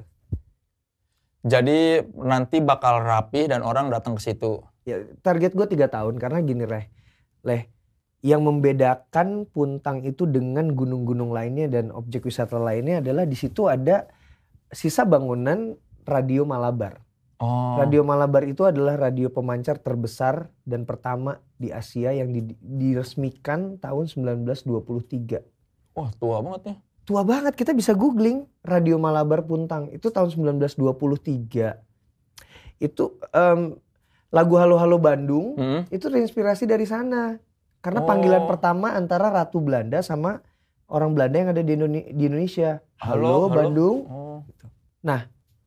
Hampir 100 tahun kemudian di tahun 2020 gue datang ke situ dan tiba-tiba gue diberi tugas untuk merapikan tempat itu. Karena udah itu nggak terawat leh. Biasa begitu aja, nggak istimewa tuh bangunan. Gue mau jadi ini tuh istimewa, sebuah heritage yang sangat bagus yang harus disampaikan ke orang-orang gitu. Gue mau pagerin, gue mau bikin ini menjadi tempat yang keren gitu. Dan anak-anak muda jadi tahu Radio Malabar Puntang. Kenapa gue harus datang? Kenapa baru tahun 2020? Gue punya waktu tiga tahun sampai 5 Mei 2023 bangunan itu tepat berusia 100 tahun. Hmm, momentumnya. Momentumnya. Jadi itu nanti akan ada dan ini nama ini gue tempat itu gue namanya Nagara Puntang karena berdasarkan silsilahnya Hmm. katanya katanya lo ya di sana waktu itu di tanah Pasundan ada sebuah negara bernama Nagara Puntang. Negara kecil pasti lah ya. Iya. Karena cuma di Segitu. Puntang doang. Eh, eh, nah itu- Kecamatan kalau sekarang malah ya. iya iya iya iya. Iya iya. kan? Kecamatan ya. Tapi kadang-kadang ketika sebuah taman wisata menjadi rame, Iya. itu keaslian kawasannya jadi apa tercemar atau jadi rusak sama wisatawan. Lu gimana menjaga supaya Puntang rame tapi tetap tidak terusak apa tidak rusak itu Puntang udah rame leh. Udah rame kan? Puntang itu bahkan sempat mengalami peak Mm-mm. itu di beberapa tahun silam. Gitu. Pernah rame banget itu jadi tempat camping. Jadi camping SMA, SMP, SD, kuliah gitu. Eh, eh, Kampus-kampus di Bandung dan di Jakarta bahkan. Mm. Itu sekali ka- camping 400 orang di satu tempat gitu. Itu sampai hari ini masih seperti itu. Tapi kurang terpelihara, kurang terawat. Nah, WC-nya nggak bagus. WC-nya nggak bagus. Nah, itu yang mau gua mau gue benerin Mm. gitu. Gua ya gue belum datang aja udah rame. Ya gue datang pasti tambah rame. Ya karena jadi bersih, Ya, rapi. tapi harus gue pelihara. Harus. Jadi gue tuh target gue nih insya Allah ya gue nggak tahu. Ini gue ngomong di podcastnya Soleh nih di tripod nih ya. Em, gua target gua adalah menjadikan Puntang sebagai sebuah wisata gunung terbaik di Indonesia. Target ya. Sekarang di mana wisata gunung terbaik tuh sejauh ini? Dieng, oh Bromo, Bromo bagus banget. Gunung Gede rame tapi nggak bagus menurut gua. Hmm. Terlalu terlalu rame. Nah kalau Bromo tuh masih indah gitu. Ada juga ada Semerunya Hmm. gitu, Ranukumbolo gitu. Masih masih indah gitu. Rinjani. Cuma kalau yang udah hmm, Kawah Ijen juga udah jadi wisata lah ya. Karena ibu-ibu pun bisa naik sampai atas karena ditarik pak sama troli gitu. Yang tadinya tempat angkut belerang kan. Nah gue mau jadiin Puntang ini eh, wilayah pengelolaan eh, gunung dengan pengelolaan pariwisata yang bagus gitu. Kita lihat ya tahun 2003 eh 2023 100 tahun Radio Malabar. Insya Allah saat itu itu mungkin belum jadi bagus banget lah ya, tapi Mm. insya Allah tempat itu udah oke. Yang nonton video ini di tahun apa tanggal berapa tepatnya? 5 Mei 2023. Yang nonton video ini di 5 Mei 2023 silakan tinggalkan komen seperti apa Gunung Puntang sekarang ya. Kalau ini konteksnya 2023 kan Iya. Wah, ini kan kayak time capsule gitu ya. Yang nonton ini di tahun lim, lim- di 5 Mei 2023 silakan tinggalkan komen dan deskripsikan seperti apa Puntang sekarang. Terus kata dia, ribet amat. Belum tentu juga ada yang udah ke gunung pun. Ma- 2023 YouTube gimana ya? Gak tahu, YouTube gua paling masih belum ada duitnya. Oke, sebelum kita lanjut ngobrol, kita Panjang games. ya lah tripod show ya? Ya gara-gara gua aja yang panjang. Ah, Pertanyaannya mah harusnya sedikit sih. Harusnya kan setengah jam atau ya atau sebenarnya sebenarnya akan lebih bagus kalau narasumbernya gitu yang di yang di yang ditanyain itu diem gitu ya. Jangan dong, buat apa kalau narasumber diem? Ji, lu sekarang lagi ke Puntang? Iya sih. Berarti itu tugas berat seorang pewawancara. Lo pasti senang wawancarain gue. Iyalah, tanya sedikit jawaban panjang, Iya. bagus. Tapi kan gue juga bertanyanya bang, pinter Ji. Ya iyalah Le, udah episode ke-13 atau 14 ini. Belagu gue ya. Gak, gak, gak. Tapi, tapi lo, lo salah satu interviewer yang seru gitu. Kalau gue liatin lo dari dulu lah. Ya, oke kita games dulu ya. Ada games 3 detikan. Jadi Anji harus menjawab pertanyaan saya jangan lebih dari 3 detik. ABC, Ini enggak, bukan ah, pilihan pilihan, bukan ABC. oh pilihan. Pilihan Oke. ada dikasih dua pilihan biasanya. Oke, oke. Jangan lebih dari 3 detik ya. Oke, siap Anji? Gak perlu alasannya? Eh, pakai alasan nggak ini panitia? Pakai, pakai, pakai. Panitia. 17-an banget ya? Nasionalis. Oke, games 3 detik, tiga detikan Anji. Yang pertama, lebih gede mana pendapatan dari musisi atau youtuber? Musisi? Seberapa gede? Kalau ya gini aja deh. Katakanlah manggung aja ya, manggung Hmm. doang nih. Kalau misalnya eh, satu panggungan 100 juta Hmm. lebih. Hmm. Oke.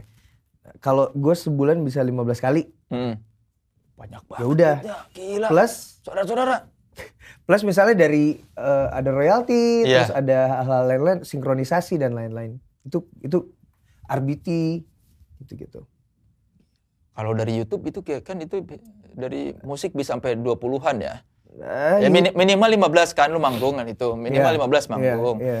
Kalau YouTube YouTube ketik YouTube tuh tergantung watch time sih, Le. minimal minimal minimal lu dapat sebulan Ehm, sekarang sih gue lagi nggak bikin konten mungkin 5 juta aja nggak ada. Oke, berikutnya.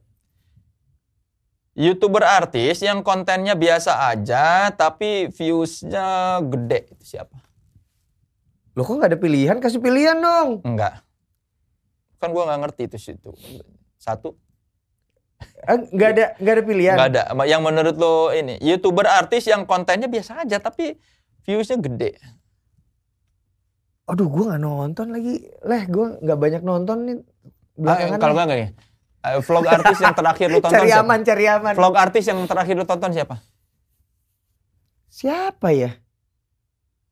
Look lah ketika seseorang itu bahkan susah banget mengingat artinya dia memang nggak banyak ini serius gue lagi nggak banyak nonton serius beneran Oke, sudah. itu nggak apa-apa ya nggak apa-apa Nggak tahu, pan- panitia terlalu, gimana panitia? terlalu aman jawabannya Hukumannya apa? Ada Oke, ada hukum. hukumannya ternyata panitia yang bilang. oh, panitia Oke, yang- panitia tolong dong Ketiga, apa lagu ciptaan lu yang dibikin sepenuh hati tapi ternyata nggak terlalu laku? banyak sih Yang paling nggak laku yang mana? Ah, Yang di paling nggak diketahui orang? di album di album itu apa ya di album tahun 2011 album Hmm. luar biasa itu banyak lagu-lagu itu gue suka banget sepenuh hati karena memang bener-bener lo nggak tahu deh lo masih ingat atau enggak kan lo datang tuh ke Hmm. apa em, showcase-nya itu lagu kan bercerita kan dari awal sampai akhir di mana pertama kali gue ketemu sama cewek gue sampai akhirnya gue menikah Hmm. gitu. Jadi ya kata siapa cinta sulit diterka, sudah jangan bertengkar. Em, itu semua lagu itu gue suka banget sampai yang sama Enda Endresa luar biasa itu suka banget Padahal judulnya luar biasa ya. luar biasa. Ternyata khas ya.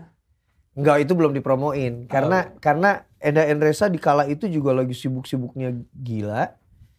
Gue juga gimana promosiinnya? Iya. Oke, karena Anji tidak berhasil menjawab satu pertanyaan, Dihukum kasih- dong gue. Dihukum. Aduh. Tapi gua tidak akan ngasih hukuman yang norak-norak ya. Hukuman gua menguji kreativitas. Karena lu penyanyi, gua pengen lu bisa, Bikin lagu. ya dari satu benda yang gua tunjuk. Oh, maksudnya nggak usah pakai alat musik itu, gue cuma langsung me melantunkan. Pak panitia pakai alat, pakai gitar apa enggak? Lu lebih nyaman pakai gitar apa enggak? Oh, gue sebe- sebenarnya gue pemain bass. Ya udah, pakai bass mau. Enggak ini. Ya udah, kita ini aja ya. Gua pengen lu bikin lagu dari kaktus. Aduh, kaktus. Kaktus. Leh, bantuin gue dong, Leh. Kok bantuin gua? Gua bukan musisi, Ji. Apa? Halo, aduh, gimana, Leh ya? Hmm, kaktus ya. Kaktus. Apaan ya? Gue lagi gak kepikiran nih, Leh. Anus. Kaktus menusuk anus. Sangatlah Iya tidak ya. bagus. iya, iya. Gue gue lagi nggak menemukan ini nih kata-kata yang us-us gitu. Cuma uus doang gitu ya. Banyak anus, bagus, mulus.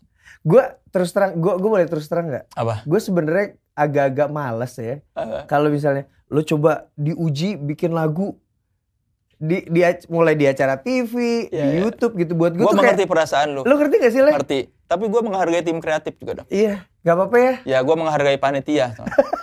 Lo harga hargai panitia, cuma gue kayak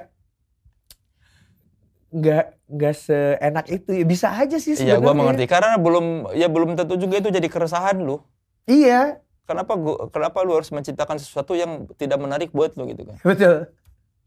betul. Lu baik lo Le. Gue mengerti kok. Gue Sumpah lo lo lo. Gua empatinya tinggi. Itu itu sama kayak gue kalau ditanya eh lagunya tentang apa gitu. Hmm. Kenapa sih lo harus tahu lagu gue tentang apa? Tapi kan orang pengen tahu. Kadang gini loh. Kenapa orang bertanya lagunya tentang apa? Pengen mem- membandingkan apakah yang ada di benak dia sama dengan yang ingin disampaikan oleh si pembuat lagu. Iya bener sih. Iya nggak apa-apa juga. Cuma kadang-kadang kayak Emang kenapa lu tidak nyaman membicarakan enggak. Kadang-kadang gue takut merusak imajinasi mereka. Kayak gue pernah bikin ini selalu gue katakan ya di beberapa interview sih. Gue pernah menciptakan lagu tentang mikrofon. hmm, Gue pernah pengen punya mikrofon. Mikrofon sendiri zaman dulu kan kayaknya gagah gitu. Cuma harus punya duit tuh. Sekitar dulu tuh itu 8 jutaan, 5 jutaan. Gue nggak punya duit kan. hmm. Jadi kayak mungkin kau bukan yang bisa kumiliki. Gitu. Tapi gue jadiin lagu di Drive dan itu jadi single Drive yang kurang terkenal. Angga Sasongko yang bikin video klipnya.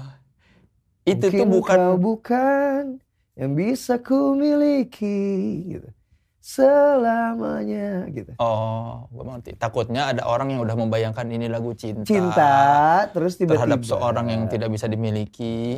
Ya makanya so- makanya kan Dave Grohl kan bilang kan eh, keajaiban sebuah lagu itu ketika dia didengarkan oleh 8.000 orang yang berbeda atau, atau berapa ribu ya. Oleh ribuan orang yang berbeda itu akan menimbulkan ribuan kesan berbeda juga. Makanya sebenarnya the beauty of eh, lagu gitu itu sebenarnya asik kan lu nggak perlu tahu cerita di balik itu. Kecuali nanti tiba-tiba dalam sebuah tulisan di buku kayak misalnya Jim Morrison gitu di Hmm. situ lu baca oh ini gitu. Jadi lu mencari banget gitu. Jadi lu tahu. Iya, tapi kan ya yang gue bilang tadi, kadang-kadang orang pengen penasaran juga kan kayak karena lagu kalau maknanya Iya. tidak apa yang liriknya yang tidak lugas kan penasaran ini itu tentang Iya, apa atau iya. tentang siapa. Minimal kan kalau kayak lo misalnya ku apa apa tadi yang lirik tentang mikrofon itu Eh, mungkin kau bukan yang bisa kumuli. Iya, pasti kan kumiliki minimal orang pengen tahu apa yang membuat lu menulis kata-kata seperti itu. Ceweknya Iya. seperti apa kan kalau kalau ternyata itu cewek ya. Iya. Gua gua eh tau gak Le, ngomong-ngomong soal cewek ya. Gua tidak pernah mengumumkan sebuah lagu itu gue ciptakan untuk seorang cewek mana pun. Karena Gak mau gue. kenapa? Gak mau nanti bisa bikin berantem soalnya. Asli, lu makanya bodoh aja kalau misalnya ada seorang buat gue ya, kalau ada seorang pencipta lagu, musisi yang bikin lagu terus ini lagu diciptakan buat si ini. Ya iya kalau lu langgang sama ini, lu, lu terus putus, terus lu ketemu lagi sama cewek lain, percaya sama gue, ini lagu akan jadi masalah. gue makanya nggak pernah, jadi gue cuma sekali dalam hidup gue mengumumkan lagu untuk cewek, Hmm. itu satu album. Memang satu album itu gue bikin kan terinspirasi dari Maroon 5 kan, Songs About Jane Iya. kan. Gue bikin tuh lagu itu kan memang cerita tentang perjalanan dari awal ketemu sampai akhirnya sekarang menikah dengan Wina Natalia, istri gue sekarang gitu. Itu aman karena oh, udah jadi. iya. Ya, ya makanya gue berusaha untuk pokoknya selamanya harus sama dia nih. Karena kalau misalnya enggak bahaya ini hidup Iya. gue. Karena nanti-. Iya, nanti kalaupun ya mak- maksudnya kalau tidak berjalan terus kan Oh gak gak mau enak. gak mau gue. Gak Iya. mau. Harus berjalan terus. Iya, iya. Harus berjalan terus. Tapi Ribet. sebelum sebelum album itu, zaman-zaman Drive ada tapi kan lagu yang spesifik diciptakan untuk perempuan Iya, tapi tertentu. tidak pernah diungkapkan apalagi di media. gitu. Iya, tapi ada sebetulnya banyak ya. Ya pasti lah leh.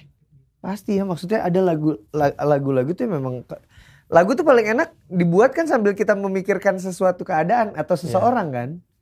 Ya, ya kayak sekarang Langsung kalau- ke gambar, langsung ke gambar, langsung ter rangkaiannya gini tinggal memilih kalimatnya yang cocok gitu doang. Ya kayak sekarang kalau kita dengerin lagu Sila on Seven yang lama terus tahu oh ini tuh si Buat Eros si- bikin buat ini Iya. jadi kan. Buat pacar yang ini, Iya. gue yakin adalah per- ada ada gini-gini nih lah. Ah, iya. Lagi dengerin di mobil misalnya. Iya. Cie yang lagunya waktu itu Iya. buat si ini. Aku pulang. Gitu kan. oh itu kan yang waktu itu kan buat ini. Apa sih kamu kata cowoknya. Yang itu kan. Kamu waktu itu kayaknya cinta banget deh sama dia. itu repot, itu udah repot lah kalau udah kayak gitu. Iya, apalagi kalau lagi berantem ya. Aduh. Makanya jangan pernah. Ini makanya gue gue lagi ngebayangin temen-temen gue yang eh, apa mengungkapkan ini lagu buat si ini buat si ini itu. Kalau dia ya gimana ya? Jadi ya saudara-saudara kalau yang mau jadi musisi terus punya lagu tentang cewek, nggak usah diomongin tentang siapa ya. Iya jangan, jangan kecuali nanti buat istri lo. Tapi lu romantis nggak orangnya buat bini? Apa ke bini? Romantis harusnya. Kayak gimana? Tapi bini, romantis? bini gue selalu bilang gue nggak romantis. Menurut lu, lu romantis kayak kenapa? Dia soalnya nonton K-pop sih sekarang ya romantisnya romantis yang gitu. Gue maksud gue bilang perbandingannya jangan susah-susah dong gue bilang. Enggak, yang menurut lu sendiri lu romantis terhadap bini lu apa yang sedang Hal-hal yang- sederhana lah kayak maksudnya kayak air panas. Ini gue selalu ngomong ini juga beberapa kali gue ditanya tentang romantisme. eh di kamar mandi gue kan maksudnya pakai penghangat gitu Mm-mm. kan. Jadi dan itu kan jangka waktu tertentu, Iya. jangka waktu tertentu itu kan dia akan menjadi dingin lagi kan. Karena habis stok air harus kan. nunggu dulu, Iya. iya kan. Nah ketika kit- kami harus pergi dan terus kamar mandinya kan cuma satu, Hmm. ya gue gua korbanin untuk mandi dengan air dingin Oh. di air panas romantis dong kuat dingin sih. anak gunung Oh. gak ada air panas Pernah susah berarti. ya pernah susah Karena tidak mengeluh kena air dingin. Iya. Kalau dari lahir kaya kan atau irit banget iya. Lu da- dari keluarga kaya atau miskin atau apa? biasa Biasa aja. biasa aja dari keluarga biasa aja bukan yang miskin banget tapi ini yang kalau nyokap gue iya nyokap Hmm. gue hidupnya prihatin. Makanya gue kemarin waktu itu gue minta izin sama nyokap gue ganti nama. Karena kan Erdian Aji Prihartanto. Hmm. ya dilahirkan ketika zaman prihatin. Oke gue bilang sama nyokap gue mah boleh nggak aku ganti nama? Supaya aku kaya banget mah. Supaya aku Hmm. tajir bukan kaya tajir. Terus? mau diganti apa? Jadi prihnya diilangin. Jadi Hartanto aja. Erdian Aji Hartanto Terus kata nyokap lu. gak apa-apa katanya Terus di KTP lu sekarang? masih Prihartanto ya masalah KTP-nya udah jadi lagi gimana dong gue bikin- buat lagi ribet Pri, ya kan bisa jadi Pri itu sebelum Hartanto. Kan lu lahir sebelum Enggak. Harta. dia Prih Pri. Prih. Makanya gue menitipkan eh, arti-arti nama yang bagus ke anak-anak gue. Ya, ya. Ketika ditanya apa hadiah lo buat ulang tahun anak lo, setiap tahun gue ditanyain gitu terus sama wartawan. Kalau ulang tahun Saga dirayain, Ah, karena kan Saga, gue dan nyokap gue kan tiga generasi yang ulang tahunnya sama kan. harinya. 5 Oktober. Oh, 5 Oktober kami sama-sama. sama Abri juga kan? Iya, eh tapi nggak ada hubungan nih gue. Kan sama. Nggak percuma juga. Nah, kan Abri. itu sama kayak kematian. ya, jadi maksudnya gue selalu ditanya, selalu ditanya em, apa namanya, apa doa lo untuk Saga? Setiap tahun gue ditanya kan PR juga ya kalau jawabnya kita harus mencari yang berbeda. Saksikan tayangan infotainment tahun lalu. Tahun lalu. Masih sama doa saya. Atau Mas, saya kasih link aja mau nggak? Ini ada postingan saya waktu itu tahun 2015 gitu. Kalau nggak doa saya, semoga anak saya kelak ketika punya anak tidak ditanya pertanyaan seperti ini. Di hari ulang tahun anaknya. Lo kok kepikiran sih lah kalimat itu? nah, nah itu lah. Jadi gue selalu menjawab, udah gue titipin di namanya dia. Hmm. Doa gue selalu gue titipin di dia. Ya Saga Omar Nagata, pemimpin bijaksana. eh yang apa ya, pemimpin bijaksana yang bermasa depan cerah. Kalau Sigra Omar Narada, pemimpin bijaksana yang datang untuk menang. Semua diproyeksikan jadi pemimpin. Ya dia minimal harus jadi pemimpin buat dirinya sendiri. Kata nyokap lu nama lu apa harapannya? Erdian gitu kan. Dian tuh lampu kayaknya. Hmm. Kayaknya ya. Gue Kok juga kayaknya? gue gak ya gue gak yakin nyokap gue tuh itu. Gue pikir ini nyokap gue nih mereka-reka aja nih kayaknya ketika gue mulai kritis gitu kan. Dia Ma artinya apa? Jadi nama gue tuh enggak yang ini dikasih sama mbah ini, yang ini dikasih sama mbah ini. Zaman dulu lah pemilihan nama iya. itu bisa bikin ribet loh. Nah, nama gua aja dari kakek gua. Nama lu dari kakek lo. Iya. Karena mungkin kakek lu merasa Kagak, na- nama gue lebih unik lagi. Kakek dari bokap dengan kakek dari nyokap ngasih nama tanpa berunding, mirip. Kakek dari nyokap ngasih nama Soleh Solihun. Kakek dari bokap ngasih nama Soleh Solihin. Antara kebetulan atau tidak kreatif ya. zaman dulu tuh orang tua tuh nggak kreatif leh. Tapi yang hebatnya, tanpa berunding tiba-tiba ini. Soleh, Dan. Soleh, iya Soleh Solihun dan Soleh Solihin. Solihun tuh artinya apa? Jamaknya dari Soleh. Jadi nama gue tuh Iya orang, pengulangan. orang Sunda tuh. Jadi iya. iya kan? Eh, Iya, dia jamak. Maman Suryaman. Iya, soleh itu bentuk singularnya, solihun itu bentuk pluralnya. Iya bener juga ya. Jadi Iya. dua kali. Orang orang tua dulu itu tidak kreatif leh. Ya Makanya karena kebanyakan nama itu apa sih referensinya sih cuma paling kalau misalnya ngikutin nama bulan. Ya ya. Iya kan? Erdian itu lampu, apa deh nyokap lu Ya, bilang lampu, Erdian Aji. lampu. Aji tuh pokoknya udah dikasih aja sama Mbah ini. Gitu. Prihartanto ya karena keadaan prih. Priharta gitu. Oh, peri hartanya. Gak punya duit nyokap Iya, iya. gue saat itu. gue bilang makanya, mah boleh gak gue ganti supaya Hartanto biar gue kaya banget gitu. Gitu lah. Orang, iya apalagi kalau Indian ya, Indian tuh bisa nama anaknya, ya kan, eh karet bocor. Aduh, kalau Indian kan berdasarkan situasi saat Iya, itu ya. plus kalau zaman dulu kan memang belum ada Google. Orang tua Iya. zaman dulu kan mau nyari nggak ada tuh nama anak banyak. cantik ya. Nama anak laki-laki yang berarti ini. Brrrt, banyak kan? Ada gue kemarin nyari di namamia.com. ada. Ada anjay. Oh, artinya apa? Artinya adalah gagah perkasa. Oh. makanya waktu itu gue posting. gue posting. Ini loh ternyata artinya positif loh. Ada lagi Anjayani. Lo tau Anjayani gak? yang ada lagu itu kan Iya. apa sih siapa sih yang bikin Ya itu Lutfi itu. gua nggak ya gua belum tahu sih gua sih tidak tertarik ya mengetahui Iya iya. Level level paling tinggi dari tidak suka adalah tidak mau tahu. iya Betul, daripada nyala ya. iya nyala tuh masih tipis antara cinta Cinta ya? ada effortnya Oh iya. energi lu lu keluarkan untuk memaki-maki hal yang tidak lu sukai berarti kan itu menarik minat lu Iya betul juga sih. buat gua mah nggak menarik ya udah nggak usah ditonton Terus kalau di film-film gitu ya, kalau misalnya kita nyela-nyela tuh biasanya nanti ujung-ujungannya iya baikan tuh. iya Atau jadian gitu. Iya, atau nanti lama-lama jadi eh ternyata ini menarik juga ini Iya betul.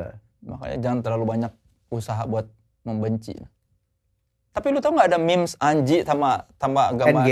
iya Iya, ah, tahu dong. Dan buat gua hal-hal kayak gitu tuh nggak apa-apa leh. karena Karena itu itulah eh, maksudnya gini. Suka atau tidak, Hmm, itu yang membuat visibilitas gue terus ada. Lo cek deh leh, musisi yang seangkatan gua yang se yang visibilitasnya tuh setinggi gua gitu. iya ya. Coba deh. seangkatan lu siapa aja tuh Ya waktu itu The Titans, iya. Five Minutes, ku berhayal Lila, Iya. misalnya ya sebenarnya enggak ini. Secara personal ya, iya iya iya iya The Titans aja sih iya Rizky-nya aja Rizky di masih drive Titans. sekarang, di drive di drive sekarang, di drive. Nih, ketika ketika memes itu menyebar di grup WhatsApp Iya. atau di obrolan misalnya lo lagi ngobrol sama temen lo, iya anjing ya eh, anjing ngasihnya foto gua itu, foto gua dilihat, gua menyebar ke mana-mana, ke obrolan lo di mana-mana gitu. minimal kalau ada brand atau IO eh ini si ini ya iya teringat gue ada di gue ada di mana-mana leh gitu jadi makanya gue tuh ada di Facebook ada di YouTube, ada di Instagram, IGTV, TikTok. Dan semua konten ini berbeda. Gue memang melatih diri gue untuk membuat konten yang berbeda-beda karakteristiknya. Disesuaikan dengan platform. Iya disesuaikan dengan platform. Kayak misalnya IGTV gue berusaha, gue idealis untuk bikin konten yang begini. Portrait gitu. Hmm, Jadi nggak, walaupun bisa diginiin. ya. Iya. Cuma sekarang udah mulai kendor juga. Aduh pegel juga ternyata. Nggak karena ya udah konten yang di YouTube upload di IGTV aja deh. Nyokap lu nggak sedih anaknya dikasih memes Anji plus Eng. Dia tahu nggak ya? Harusnya tahu sih. Enggak dia udah biasa lah. Udah biasa. Udah biasa. Udah biasa dia. Pokoknya selama selama tidak berhubungan dengan hukum, dia kalem-kalem aja udah tahu anaknya memang punya urat itu tuh. Ah, kuat lah dia mah gitu loh ya. Ya, kuat lah. Kalau gitu lu ingin meninggalkan apa buat apa orang-orang setelah lu meninggal? Gue nggak terlalu peduli sama orang-orang sih leh. Gue meninggalkan apa kepada keluarga gue? Apa? Banyak kenangan, cerita, eh cara gue berpikir sama anak-anak dan pastinya karya-karya gue. Karya-karya gue baik yang bersifat umum maupun yang bersifat personal. Itu gue gua tinggalin untuk untuk anak-anak gue. Artinya ketika gue meninggalkan itu satu persatu, mereka akan bisa menganalisa nantinya. Mereka bisa tahu bahwa oh ternyata memang gue diamati sebegininya sama papa gue. Gitu. Ya gue mau meninggalkan itu sih leh.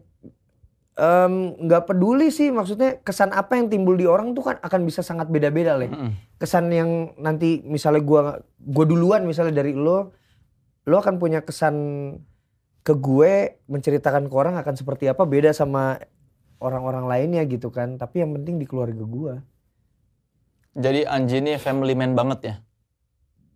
iya dan gue punya pengalaman hidup menjadi seorang bapak yang berbeda dengan bapak-bapak lain loh Iya. Gue punya lima anak. Dua anak pertama bukan anak kandung gue tapi tinggal sama gue. Terus dua anak yang memang kandung gue gitu. Em, plus satu anak yang tidak tinggal sama gue ini anak gue gitu di tempat lain gitu. dan gue sama semua keluarga ini walaupun pernah mengalami ada beberapa polaritas dulu tapi sekarang udah sangat baik sangat baik hubungannya. Semua sama sama keluarganya Mas. Wisnu Tama, sama Sheila Marsia. Ini udah udah baik, udah baik banget, udah di udah di dalam komposisi yang bagus sekarang gitu. Gimana caranya? Gimana ya, Leh? Legowo aja sih semuanya dan komunikasi sih menurut Hmm. gua. Komunikasi dan melunturkan banyak hal, melunturkan banyak hal yang nggak perlu dipikirin lah. Itu sih. Susah loh, Leh, jadi jadi gue gitu Iya. pelajaran hidupnya. Gue tuh udah punya anak yang ngomongin cewek loh ke gua. 18 tahun. Iya 18 tahun, manci cantik gak? Ya udah udah bisa gitu kan? Kurang lah yang begini. Apaan yang cakep dari sini gitu. Udah bisa begitu ngomonginnya. Sampai yang kecil banget. Jadi pengalaman hidup gua menurut gua ya gua salah satu manusia yang punya pengalaman hidup berbeda sama orang umum umum ya.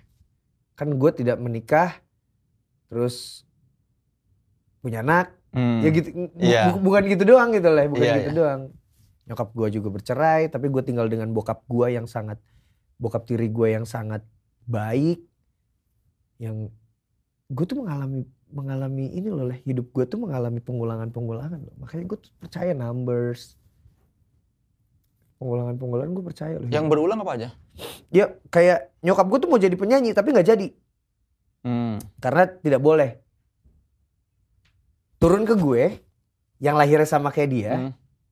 gue jadi penyanyi tapi di usia gue 28 tahun gue baru tanda tangan kontrak telat Hmm.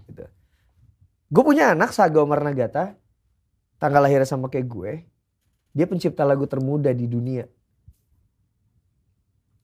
jadi tapi baru tercatat yang Indonesia ya yang dunia Hmm. belum karena cukup mahal bayarnya ternyata berapa 6 ribu apa 9 ribu gitu lupa gue nah harusnya nih kalau gue fokuskan Saga untuk di dunia entertain seperti yang terlihat dari dia sekarang itu harusnya dia jadi di umur yang lebih muda. Hmm. Sekarang dia udah mau single ketiga. Iya dong, harusnya Iya. dengan pengulangan-pengulangan. Nyokap gue menikah dengan bokap gue sekarang itu membawa dua anak, gue dan abang gue yang beda umurnya hampir tiga tahun. Nah, gue menikah dengan bini gue yang membawa dua anak laki-laki yang beda umurnya hampir Hmm. tiga tahun. Berulang ya. Banyak pengulangan-pengulangan. Itu terjadi dalam hidup gue, makanya eh, kayak bokap tiri gue ke gue baik banget gitu. Ya gue gue ke anak gue yang anak sambung bukan tiri ya. Iya. ya itu cuma penamaan lah ya anak tiri atau anak sambung gue. Kami deket banget kami cerita ceritaan kalau lo buka handphone gue tuh ini duh Manji kangen banget nih. Iya kakak juga nanti kakak pulang gitu. Ya karena lu melihat role modelnya juga seperti itu pada akhirnya lu juga jadi begitu ya. mungkin ya. Ya tapi gue ya insya Allah ya semoga gue tidak eh, tidak mengalami pengulangan dalam hal status berumah tangga gitu. Gue nggak pengen sih. Ya nyokap gue kan bercerai bokap gue juga bercerai terus mereka ketemu gitu. abang gue adik gue. Ya kan bercerainya udah bini lu kan. ya ya semoga semoga Diwakilinya dari situ. diwakili dari bini gua. Udah sama gua udahlah gitu. Males gue. Ini gue baru mau resepsi nih. Pernikahan di tahun ke-10 waktu nikah gue cuma 9 juta artis 9 juta antara nggak punya duit atau idealis gak punya duit sih sebenarnya jadi gue baru resepsi nanti 10 tahun pernikahan Sekalian 10 tahun, Sekalian sekalian 10 tahun. resepsi. Iya. Pas pandemi lagi. Eh, tahun 2022 Oh, mudah-mudahan udah lewat ya. Dua-dua sih harusnya ya. harusnya Kan 2021 diprediksi tuh udah ini. Harusnya sih 2022 udah ya, tepat satu tepat 10 tahun. Harusnya gitu lah kalau menikah, resepsinya nanti kalau udah lewat 5 tahun apa 10 tahun. Jadi lo udah melewati masa-masa. Enggak. Kalau gua mah mendingan gua resepsi kemarin belum terkenal. Jadi nggak perlu ngundang banyak orang. Kalau gedungnya murah orang nggak akan ngejudge. Betul juga. Ah, Oh, gua gua sudah menemukan satu tempat yang tepat. apa? Gunung Puntang. Oh, iya. Iya dong. Iya dong, udah dong. Iya nggak mungkin orang ini ya. ya. Iya dong. Iya tempatnya sendiri gitu. Iya kan gue sudah menemukan tempat. Terima kasih loh, Leh. Gue menemukan ide ini. Bagus. Dua kali lu dari ide dari gua. Iya. Gara-gara ngobrol di sini kan. Dua kali. Nah itulah, itulah, ini jadi serius lagi ya, jadi serius lagi. Semesta itu selalu menyediakan ide-ide di sekeliling kita, Leh. Semesta selalu menyediakan itu, tinggal kita tangkep, mau kita tangkep, kita jadiin ide baru atau kita lewatin begitu aja. Kalau begitu slogan hidup yang lu pegang yang membuat lu semangat sampai sekarang apa? Slogan hidup. Gak ada, Leh. Cuma yang penting lu berbuat baik aja gitu. Mencoba untuk berbuat baik ya. Yang penting mencoba untuk berbuat baik. Udah gitu. Itu itu doang sih kayaknya. Slogan hidup apa ya? Jangan lupa senyum hari ini. Karena logonya gini ya, senyum. Jangan lupa senyum hari ini. Kayak itu kali ya. Jangan lupa senyum hari ini kali leh. Iya, Iya iya. iya itu kali. Oke saudara-saudara, jangan lupa senyum hari ini ya. Yang belum senyum, kan udah sit and relax, tinggal ditambah smile ya. Terima kasih Anji, Thank you leh. sudah ngobrol di Gila panjang banget. Tripod Show. Iya ya, ya urusan editor lah. Bukan urusan kita itu. Bukan urusan kita ya. Iya, Makanya. Dedi tuh gak suka ngedit. Iya. Dedi tuh gak suka ngedit. Gue juga kalau di apa wawancara gue yang di channel gue nggak diedit. Kalau lo memang bener-bener begini kan. Ini kan masih ada kamera dua, bagus. Terima kasih loh. Dan kita belajar sesuatu dari Anji ya, bahwa Anji ini sa- sangat mencintai keluarganya dan dia apa menunjukkan bahwa yang dilakukan semua eh pas selama ini oleh Anji adalah hanya ingin berbuat baik ya. Ya, Walaupun kadang orang kadang tidak- outputnya outputnya jadi terlihat negatif. Ya dan Anji memberikan pelajaran bahwa kita bahwa sebetulnya biarlah orang bicara yang penting kan keluarga. Lo berbagi rezeki sama keluarga. Irisan rezeki lo tuh sama mereka. Betul. Seperti yang Anji lakukan, dia mendengarkan omongan istrinya. Kalau yang penting istrinya menguatkan dia. Bukan takut lo ya. Iya, Bukan menguatkan. takut. Respect, respect. Takut juga sih. Oke, saudara-saudara terima kasih sudah menyaksikan Tripod Show. Terima kasih Anji sekali lagi kita doakan semoga apa proyek Gunung Puntangnya. Amin. Sukses. Doain ya leh, itu Ya. proyek ambisius. Oke. Sekali lagi sampai jumpa minggu depan di Tripod Show berikutnya dengan bintang tamu yang juga sit and relax. Jangan lupa pakai famo. Oh, iya. Tidak usah lah saya tidak usah ngomong itu Ya gua anjing. gua aja bagian gue emang. Iya, iya. Jangan lupa pakai famo. Terima kasih sampai jumpa saya Soleh Solihun. Jangan lupa senyum hari ini. Tripod Show sit and relax. Luf luf. Gini ya, jangan lupa senyum hari ini.